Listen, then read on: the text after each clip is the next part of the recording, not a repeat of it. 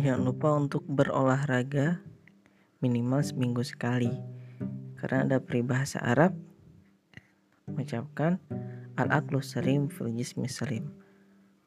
Akal yang sehat terdapat pada badan yang sehat juga. Kalau nggak sehat ya bagaimana bisa berpikir dengan benar?